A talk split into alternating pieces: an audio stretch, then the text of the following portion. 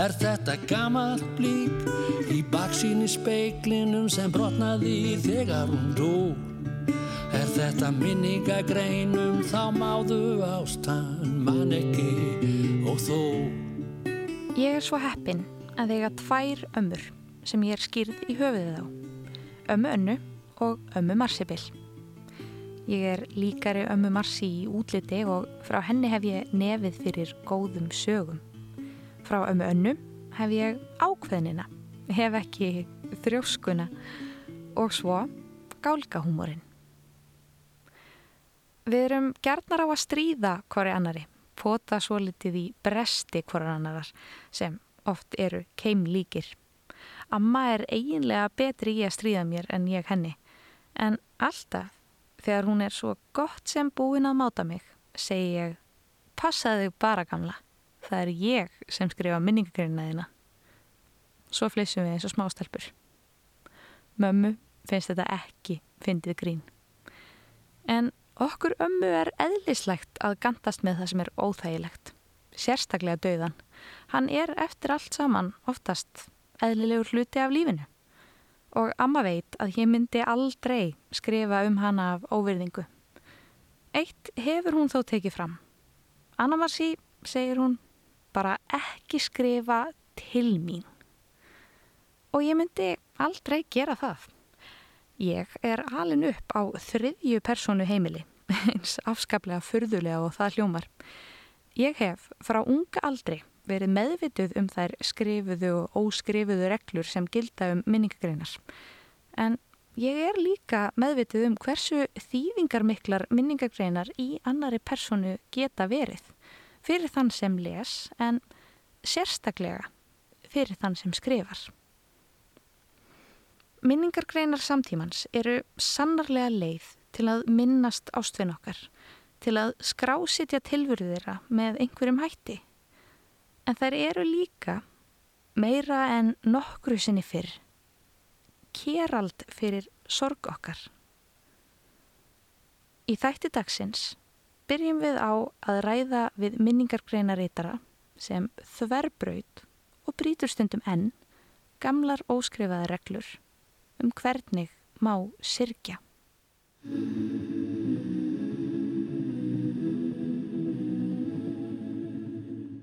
Já, ég heiti Þórun Erna Klásen.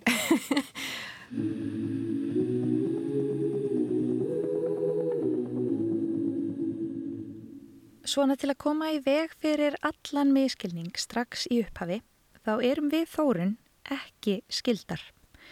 Við erum vissulega báðar yfir máta glæsilegar og berum sama ættarnafnið en það er fengið frá forföðrum úr sitt hvori áttinni.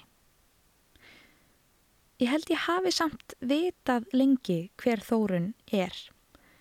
Hún er enda fjölhæf leikona, söngkona og lagasmiður.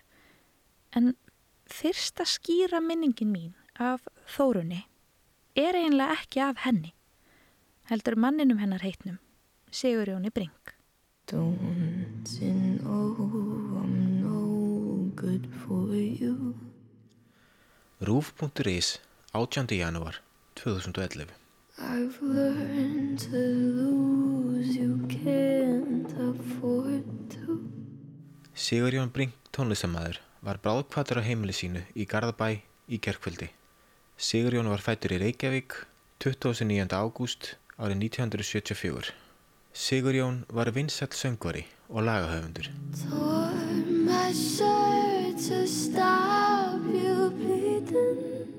Hann hefur meðal annars tekið þátt í fórkjefni söngakefni Evrópskra sjómarstöða og á lag í kefninni í ár.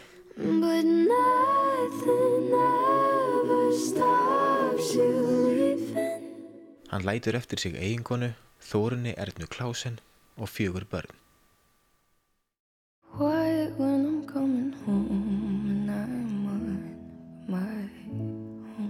Hverju mannstu eftir á þessum tíma?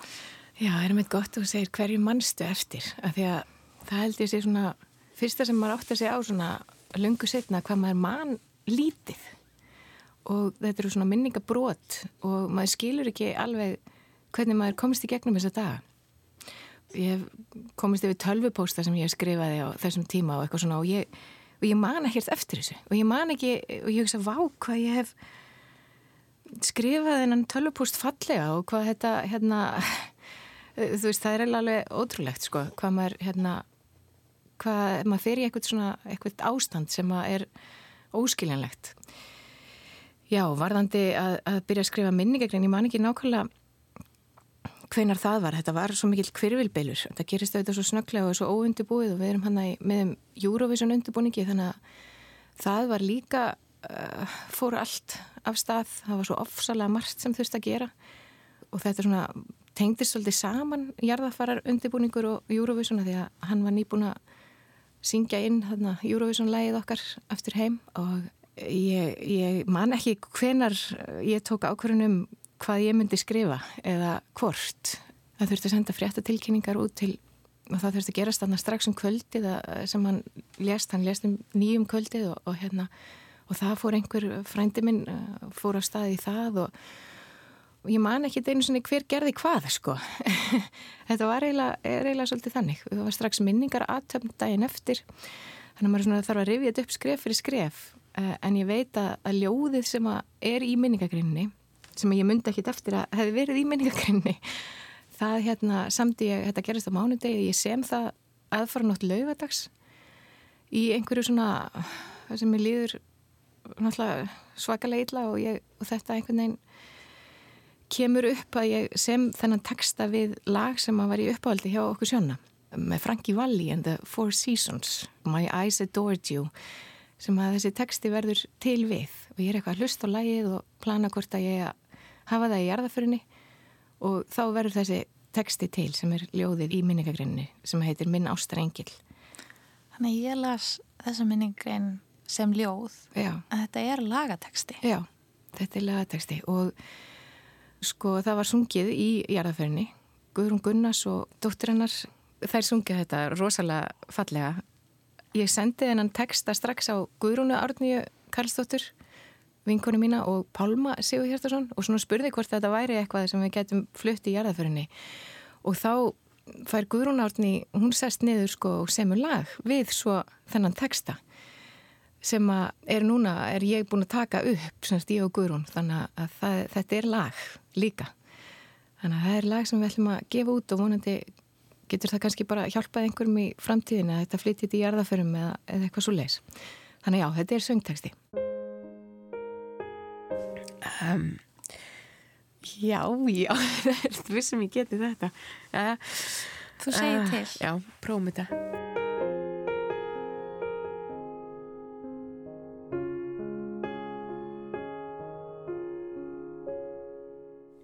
Elsku hjartans ástinn mín, ég get ekkert sagt.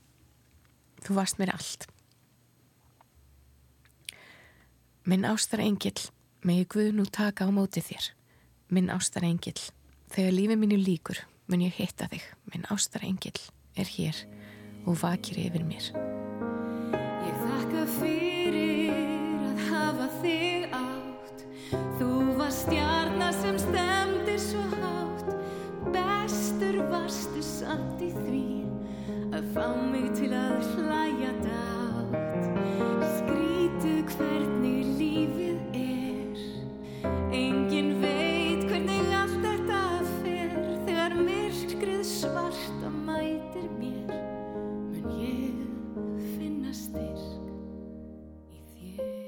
Minn ástarengil er hér og vakir yfir mér. Takk fyrir að gefa mér elsku gullmólana okkar. Ég mun nota allan minn mátt í að venda þau. Þín alltaf. Þórun. Svolítið skrítið að lesa þetta en ekki syngja þetta. Það er eiginlega þannig. Hvað svona kemur upp hjá þér þegar þú lest þetta yfir? Já, ég bara mana að hérna þessa tilfinningu eins og stendur hérna í fyrstu setningunni. Ég, ég get ekkert sagt. Þú varst mér allt. Það er bara þannig. Og svo þetta börnin en hérna að bara rifjast upp hvað hvað þetta bara er mikið hildýpi að missa einhvern sem maður elskar svona mikið svona snöglega Ástæðan fyrir því að ég vildi tala við Þórunni kristallast í minningagreininnar til sjónna Hún inniheldur þrjár stærstu breytingarnar sem orðið hafa í minningagrinu morgumblaðsins á síðustu árum. Fyrir það fyrsta er hún í annari personu. Þórun skrifaði beint til Sjonna. Í öðru lagi er hún afar personuleg og tilfinningaþrungin og í þriða lagi er hún í formi frum samins ljós en slík skrif var nýbúið að leifa þegar Sjonni dó hálf skrítið að segja um sjálf ég held ég sé bara njóðskáld eða textahöfundur eða eitthvað svo les, ég held að, að ég þurfi bara að tjá mig listrænt. Uh, ég, ég tjá mig líka í tónum, ég sest fram á píanóið í einhverju tilfinningu sem að ég sem að kemur yfir mig og ég spila hana frá mér og tek, tek það upp á síman og oft verða til lögur því. En það er svona mín leið, það er bara listin einhvern veginn Ég skrifa mig líka frá þessu. Ég sest stundu fyrir framann tölvuna og ég hafa svona möpp í tölvunni sem heitir úrhelli. Og þá er ég svona hella úr, úr tilfinningunum og það, þar byrja ég bara að skrifa og svo skrifa ég bara. Stundum hafa verið til svona einhvers konar svona dæmisögur eða bara lýsingar á tilfinningunum eins og verið að flá af manni húðina eða bara alls konar. Svo stundum les ég þetta yfir og hugsa hvað hva mér hefur liðið illa. En þannig ég fæ útrás í svona orðum og í í tónlistinni klálega Af hverju veluru að skrifa til Sjóna fremur en um hann? Og ég hugsaði bara ekkert um hvernig maður ætti að gera þetta eða, eða eitthvað svo leiðis en ég held að ég voru að hugsa um þetta þegar við vorum búin að tala um þetta þá voru ég að hugsa þetta aðeins þegar ég var að lesa yfir þetta að ég held að sé líka uh, að því hann er svo ungur og uh, það er svo hræðilegt að hugsa til þess að það þurfi að vera að skrifa minningagrein og engin er tilbúin í það. Það er ein, ein minningagrein það er minnst á það. Er ekki tilbúin til að skrifa þetta og þú áttur að eiga svo mörg ári viðbútt til þess að væri þetta að segja frá æfinniðinni þannig að, að hérna getur verið að það sé það bara þegar þetta kemur svona snögglega og, og er svona ofsalega óreittlátt og það er svona áður svona mikið eftir þá getur maður ekki einhvern veginn Já, það var nú gaman þegar leiður okkar lágu saman hérna í Lusingni, þú veist, ég var að hefða aldrei, þú veist, ég, nei, það, það bara hljóma fáranlega í huganum að, hérna, maður hefði alltaf að reyna að fara yfir sambandi sitt við hann eða árin sem við áttum saman eða eitthvað svo leiðist, það bara, að maður bara, var bara, ég var engan veginn til ég, tilbúin til að kveðja og tilbúin til að skrifa neitt um þá, ég veit að sonur hans Aron Eh, hefur líst í líka bara enga veginn tilbúin ja. já, og langaði kannski bara ekkert að deila því með fólki heldur á þessum tímapunkti bara ekki tilbúin til þess mm.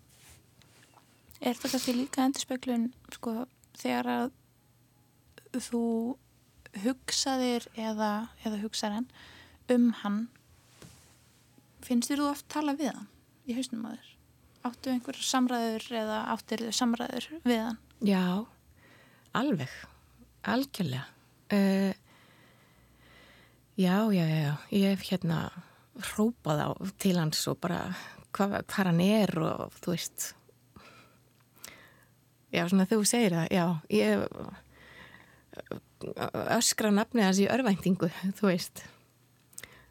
Þannig að já ég tala við hann, alveg klárlega og hef gert og við gerðum þetta líka hérna manna vinni sjóna og svona voru, þeir voru að fara á svið í úti og svona þá töluður allir beint við hann. Bara sjóni við erum að gera þetta fyrir þig. Og bara þegar við komumst áfram á fyrra undakvöldinu í Eurovision hérna og, myndavílan voru komnar á okkur þá hleyp ég í myndavélina og bara eitthvað öskra, bara eitthvað sjóni, sjóni bara eitthvað, þú veist tala beint við hann, ég minna þetta er náttúrulega, náttúrulega pínu klíkun en já það, ég hef alltaf, mér alltaf fundist ég geta gert það.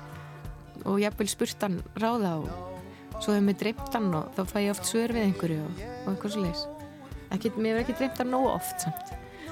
Ég væri alveg til ég hafa dreipt hann oftar. Því að lífi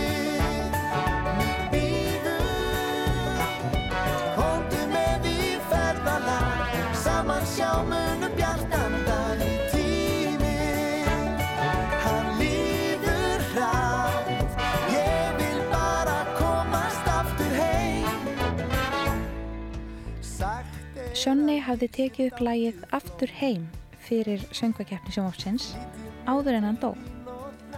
Eins og margir muna tóku vinir hans upp þráðinn þar sem hann skildi við og báru sigur úr bítum, komust alla leið í aðalkeppni í Eurovision. Fyrir þórunni var það mikilvægur þáttur í að halda minningu hans á lofti. Ég fekk alveg ráðleggingar bara, heyrðu þú getur ekki gert þetta, þú bara gengur frá sjálfriðir. En það er eiginlega alveg öfugt sko, ég hefði ekki getað, ég veit ekki hvað hefði orðið um mig ef ég hefði ekki haft þetta. Og geta verið að, þú veist, fari um Evrópu og bara sjáu þið hann var og bara rópa á torgum sko hvað, hann var frábær og hann, þú veist hann er farin en hann skilur svo mikið eftir sig og hann enniði plís að hlusta og hann enniði að sjá hvað hann var æðislegur. Ef maður hefði ekki haft þetta það ég bara, ég, já, ég veit ekki. Ég veit ekki sko. Ég, hérna, ég mitt mann eftir því að nóttina sem ég kom heim úr Eurovision ferðinni kom heim með nótt og strákarnir mínu voru ekki heima. Þeir voru hjá mömmu minni og ég man að ég opnaði hurðina og ég bara, ég bara nýja niður á, á, bara í andirinu að þetta er náttúrulega og ég hugsa bara, vá, ég, ég, ég geti þetta ekki. Vist, þá er þetta búið og hérna já, þetta, þetta er svona, svona mikið tómleiki og mikið það er svona eins og bara allt væri búið þannig að, hérna ég fór heim til mömmu og við ferjuðum strákana heim í sæng, hún býr í næstu götu bara til þess að gæti knúsað á um nóttuna þegar ég sá bara engan tilgang í þessu og ég hef búin að gleyma sko á þess að hafa það bara líkamlega hjá mér að þeir væru almennilega til sko, ég treyst ekki þú veist, það kom svo mikill tómleiki. Þannig að, að þetta hlutverk að geta og, og geta svona rópaða á hvort, það, hvort það er samfélagsmiðlum eða hvar sem er að minnast hans er svona dýrmætt fyrir mig sko. Að ánvest þá bara, já, ég veit ekki ég veit ekki hvernig ég hvernig mann hefði gengið með þetta. Þannig að ég held að þetta sé rosalega jákvægt að fólk geti þetta og þessu miklu meiri heilin í þessu heldur en að fólk gerir sér grein fyrir. Þarna komum við að næstu ástæðu þess að ég vildi tala við Þórunni. Í fyrsta þætti þessarar þáttaraðar kom Dr. Arnar Árnason inn á fyrirbæri sem kallaði er The Spectacular Death þar sem samfélagsmiðlar veit okkur stórbrotna insýn inn í dauðaferli fólks allt frá sjúkdómsgreiningu til hinstu hverju aðstandenda. Í tilfelli Sjonna var engin sjúkdómsgreining, ekkert ferli, bara áfallið. Og svo hverjurnar. Facebook var tilturlega nýtt á Íslandi á þessum tíma en þær hrúuðust inn, beint á vekkin hjá Sjonna strax stægin eftir þann dó. Þórun hafði kannski aldrei beinlýnist tækifæri til að sirkja í einrúmi. Til þess var Sjonni of þektur, andlátið of harmþrungið. En þegar upp er staðið, vildi hún kannski ekki bera harmsinn í hljóði. Ég var ekki típa til að taka upp símón og ringja og segja bara, heyrðu, ég er bara leik hérna á gólfinu í fórstustellingunum og ég held ég sé að deyja sjálf úr sorg, þú veist, getið hjálpa mér. En stundum setti maður eitthvað á Facebook og þá ringd einhver. Þetta er svona hrópa hjálp held ég. Og ég verða að segja í mínu tilfelli að ég fekk ótrúlega mikla hjálp og stuðning og styrk frá ókunnugu fólki. Eða ókunnugu, ekkert endla alveg, jú alveg líka ókunnugu fólki. Uh, Kanski í græmitisborðinu í haugöp að þá kom einhver til manns og, og faðmaði mann og, og fór að segja manni sögu af sjálfum sér og þeirra missi og hvernig þau komist út úr því. Þannig að ég hef átt svo innihalsrík samtöl kannski bara á ganginum í smáralind eða einmitt við græmyndisborðið í hagkaup og þetta er ógeðslega þetta er rosalega skrítið að oft eru þeir sem hafa lendið því sama á maður sjálfur eru kannski ekki endla þeir sem er í alveg einstar hingnumars þannig að, að þeir eru þeir sem hafa eh, lendið í einhverju sveipuðu þeir eru oft færar um að hjálpa eða veita einhverju hugunar orðið eða eitthvað svo leiðis heldur en þeir sem skil, eiga erfitt með að skilja hvað er að gerast. Og þegar maður missir einhvern svona snöglega 35 ára frá litlum börnum og, og þá eru ofta ekkert sem betur fer. Margir í kringum hann sem hafa lendið því sama. Þannig ég held þetta sé líka svolítið það að, að þarna komst maður þá í, í tengingu við aðra sem hefur lendið í einhverju svipuðu sem eru færir um að hjálpa og segja eitthvað að, og skilja mann. Þegar kannski stundu fólki einhverjir fólki í kring sem maður vanur að leita til eh, geta bara gert vist mikið sko. En ég fekk rosa mikið stuðning frá vinum og fjölskyldu, ég er ekki að segja það og sérstaklega sko fjölskyldana sjóna sem er öll að fara í gegnum þessa miklu sorg, það örðu allir svo samrýmdir. En það var samt stundum erfitt að ringi þau að því þau voru að sirkja á sama hátt og þá bara allir bugaðir þannig að þá var gott að geta stundum fengið eitthvað frá næstum því ókunnum sko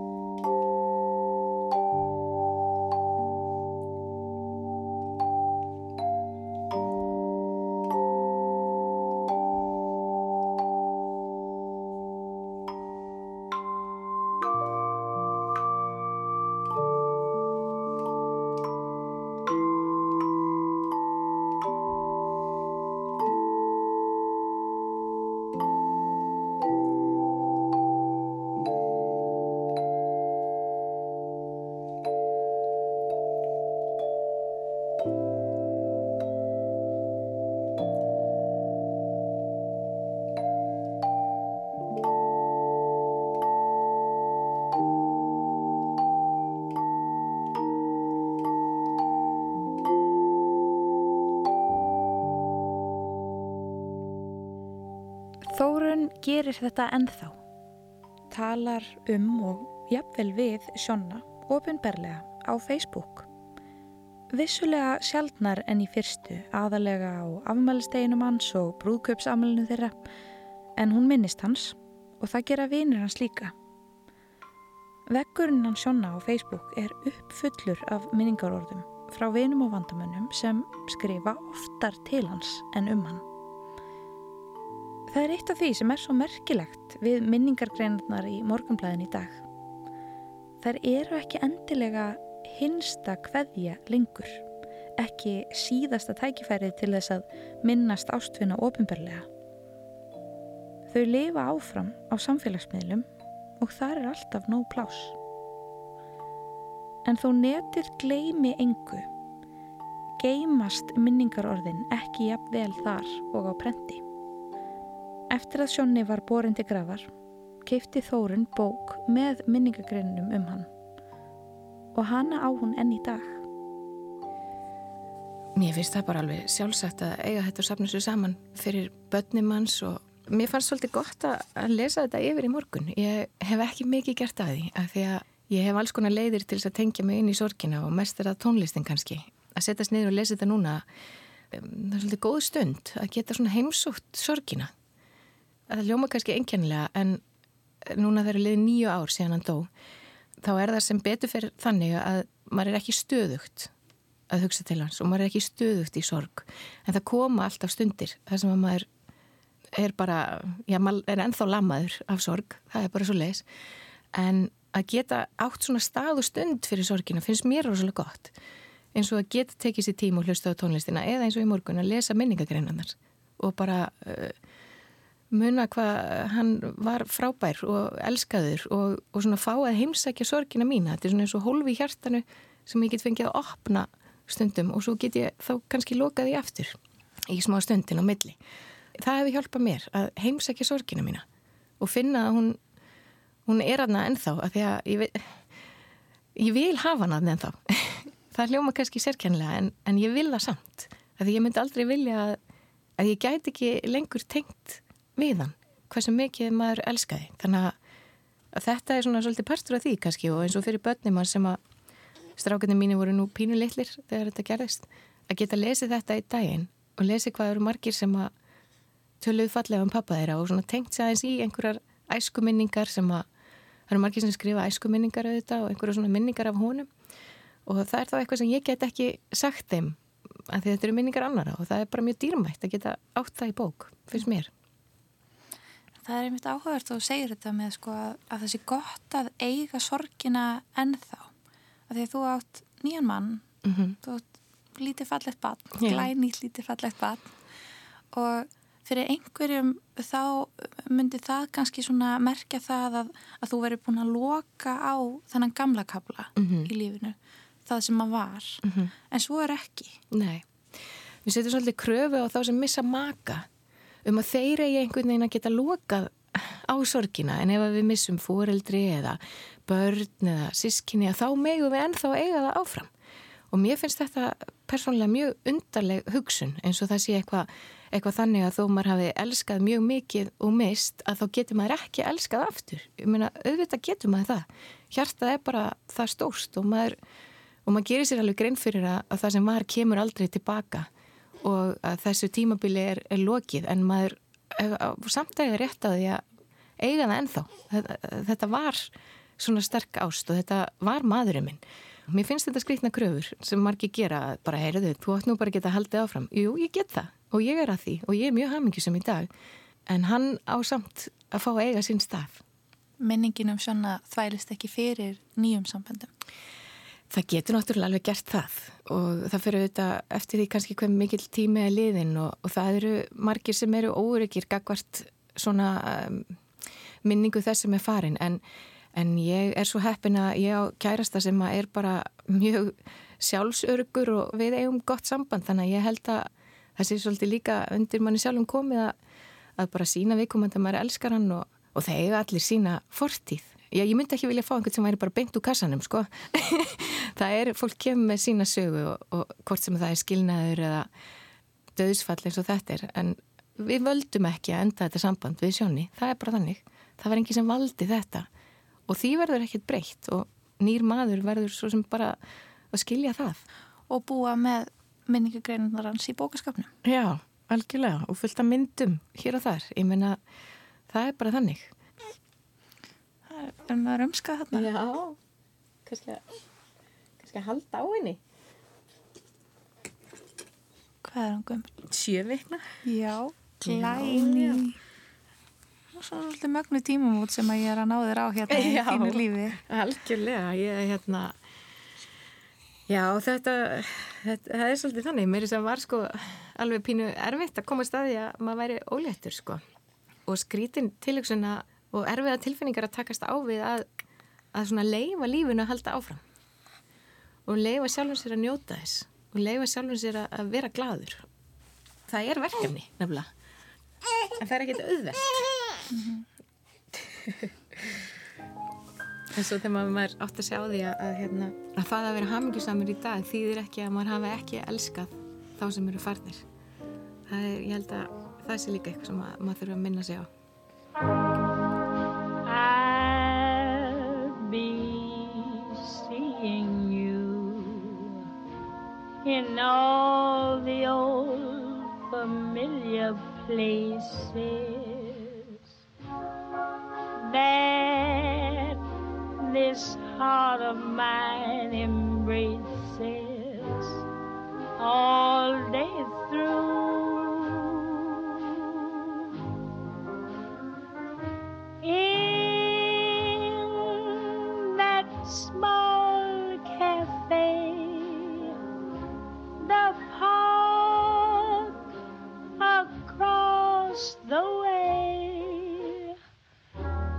Children's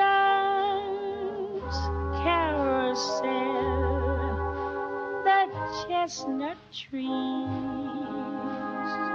the wishing well.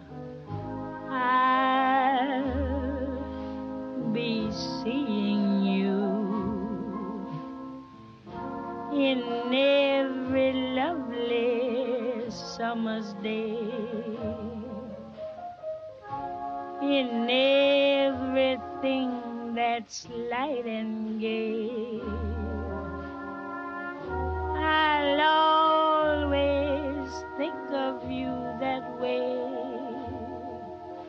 I'll find you in the morning sun and when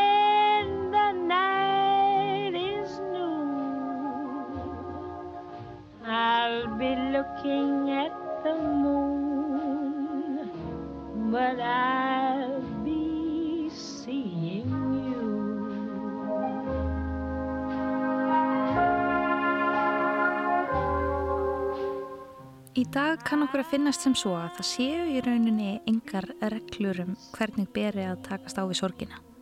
En auðvitað eru þeir enn til staðar og þær munu taka breytingum. Við gerð þessara þáttar leitaði ég álits víða á því hvernig minningargreinar framtíðarinnar getur letið út. Meðal annars rætti ég við fjóra 17 ára verslinga.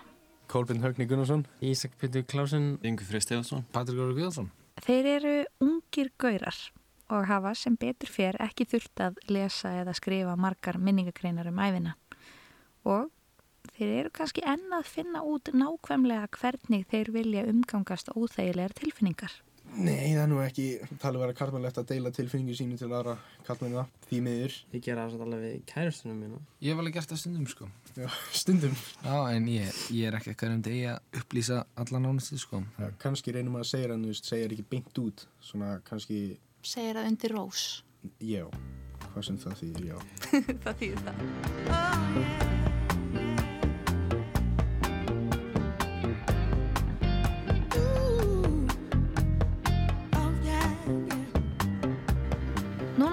Fram að við Ísak Pétur berum ekki sama ættarnafn fyrir tilviljun. Hann er frændi minn. Ísak var nýlega skólaverkefni þar sem þurfti að leita uppi minningargreinar um afa okkar. Fyrir honum leit ingangurinn að greinunum kannski smá út eins og kynning á personu úr Íslendingasögur. Þegar ég las um afa þá byrjaði svona fyrst að fjalla um hvað hann bjó og síðan komið bara öll börninas og ég var svona, já ok. Ég var að lesa ykkur sko 20 nöfnana og ég bara stafslega landrið en hérna það var bara mjög fínt skilja af því að ég fekk hann ekki það mikið þannig að það var mjög fínt bara að lesa skilja um alla söguna hans og vita hvað hann bjó og svona þannig að já, það var líka gaman að lesa það sko. Yngvi Freyr hafði bara lesið eina minningagrein sem hann myndi eftir. Svo gaf honum líka nýja sín á mannesku sem hann þekkti en ekki á þann sem skrifað var um heldur minningargreina reytaran sjálfan. Þegar þessi vinnu minn skrifaði þetta þá var þetta svolítið því að hann hafi verið þá að berast við krabba minn þannig að fara hans. Og þetta var svolítið svona að þau voru nokkur nefn búin að setja sig við þetta þú veist, þú veist það var búin að gefa tíma hana, tímaram og eitthvað og þetta var allt önnur hlið á vin, vinnu minn sem ég þekkti svo vel sko sem kom fram á það í blæðinu bara allt öðru í saman svona ótrúlega hress og bara svona tala allt öðru og svo bara var eins og þetta kom bara beint frá hjartanu sko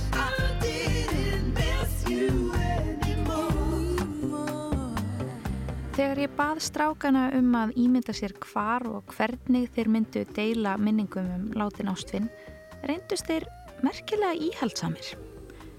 Eitt þeirra, Kolbeinn Högni, hafði einu sinni skrifað hefðbundna minningargrein og þá um ömmu sína. Sko, þetta var 2016 þannig ég man ekki orðið rétt, en þetta var svona, þetta hjálpaði mér alveg heldur mikið, sko. Þetta let maður svona, maður var ekki búinn að sætta sig við en veist, maður gæti svona, þetta var svona reality check að veist, þetta var ekki eitthvað svona draumur eða eitthvað, þetta var, búið að gerast og núna verður svona að halda áfram, þetta var svona síðasta skrifið í að segja bless. En ef þeir ættu að deila minningum eða fregnum af látnum ástvinn á samfélagsmiðli myndu þrýr fjörðu þessa 17 ára gaurahóps velja sama miðil og allt miðaldra fólkið gerir.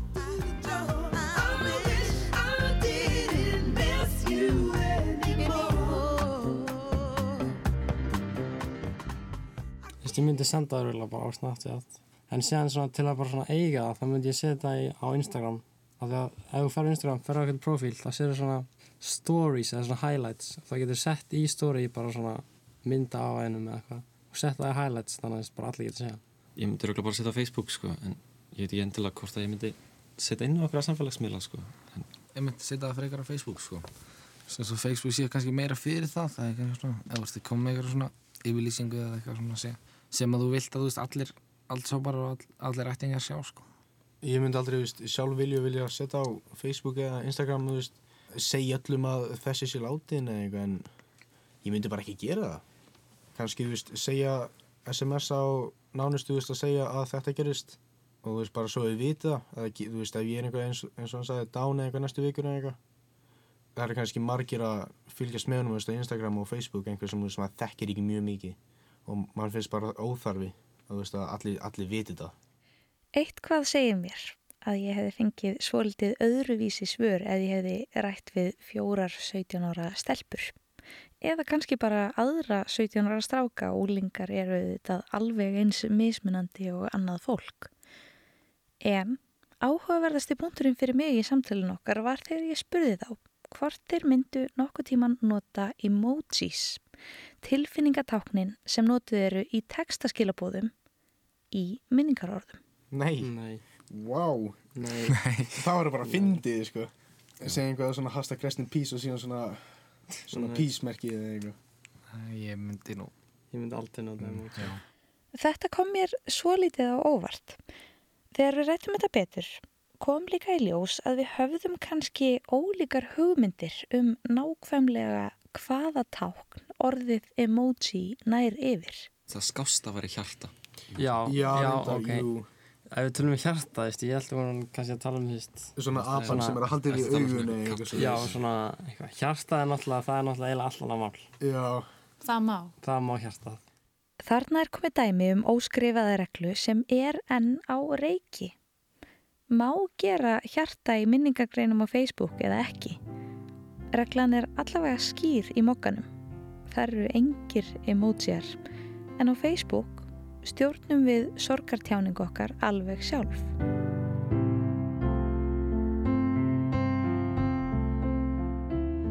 Minningargreinar eru að verða síalgengari sjón á Facebook, stundum með emojium og stundum án. Og Facebook er líka fullkominn staður til að deila slíku efni. Fyrir mörg okkar er mikilvægt að aðrir viðurkenni tilfinningar okkar. Fyrir mörg okkar er eins og sorgin öðlist meira gildi ef einhver er vittni að henni. Lækar hana. Það þarf ekki að snúast um aðtiklisíki eða vera betra eða verra en hvað annað. Það bara er. Og það sem Facebook hefur um framorgumblaðið er að fólk getur bætt sínum eigin sögum, minningum og hluttekningu við minningargreinarnar með því að skrifa aðtöðsendir við þær. leave you as you are. If he felt he had to direct you, then direct you into my arms.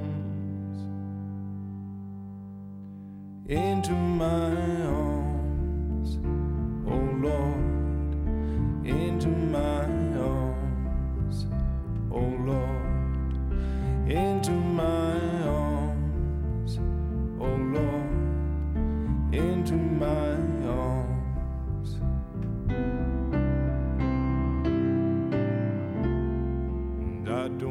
ekki bara Facebook sem á í einhvers konar samkeppni við minningargreinar morgunblaðsins. Fréttablaðið hófað byrta almennar minningargreinar eftir að forstjóri íslenskrar erfðagreiningar, Kári Stefánsson, byrti þar grein um sýstur sína. Með fram umhverjusvætni greftrun hyggst síðan frumkvöla fyrirtækið Tré lífsins bjóð upp á minningarsýður sem jafnvel taka tillit til þegar þarfar fólks að skrifa til frekur hann um með því að bjóða upp á enga skilabóð til hinnalátnu þar sem skrifin eru ekki sínileg öðrum. Rannsóknarspurning þessar þáttaraðar var verða minningar greinar einn daginn, minningar einar.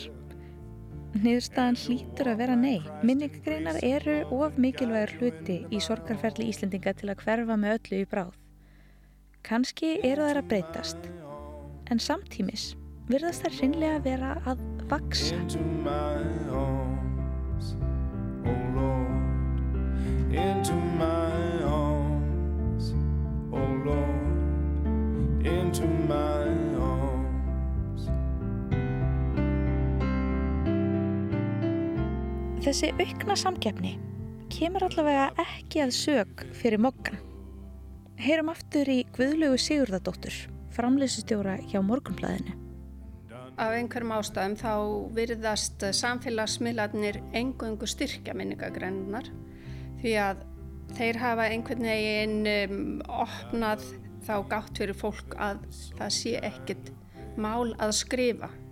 Fólk skrifar og sendir morgunblæðinu og svo tekur það greinuna sínar úr morgunblæðinu og deilir þeim áfram. Og við sjáum í þessum töluðum orðum, þá sjáum við ekki annað en að þetta sé eitt hvert kombo sem að styður hvort við annað og janúar síðasliðin er stæsti mánuður frá upphafi í minningagreinum en uh, þá bárust á þriðja þúsund greinar. into my arms, oh Lord, into my arms, oh Lord, into my arms. Minningargreinar morgunblæðsins gætu tekið breytingum, stafrænum breytingum í takt við sviftingar í fjölmiðlaneyslu almennings. En sem stendur er ennþá líf í morgunblæðinu og þá einna helst í minningargreinunum.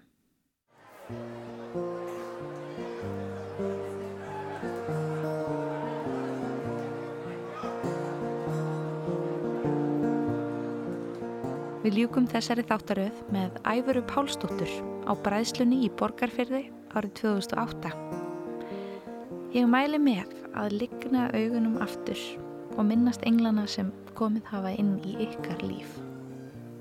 Kæru hlustendur, takk fyrir að fletta með mér minningargreinunum síðustu vikur. Verið sæl.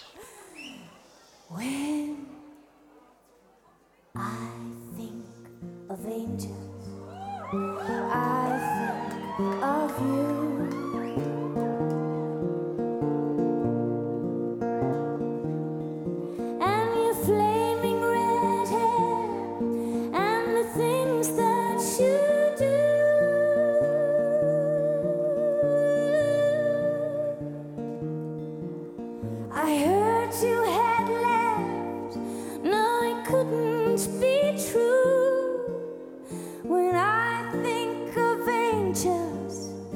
I think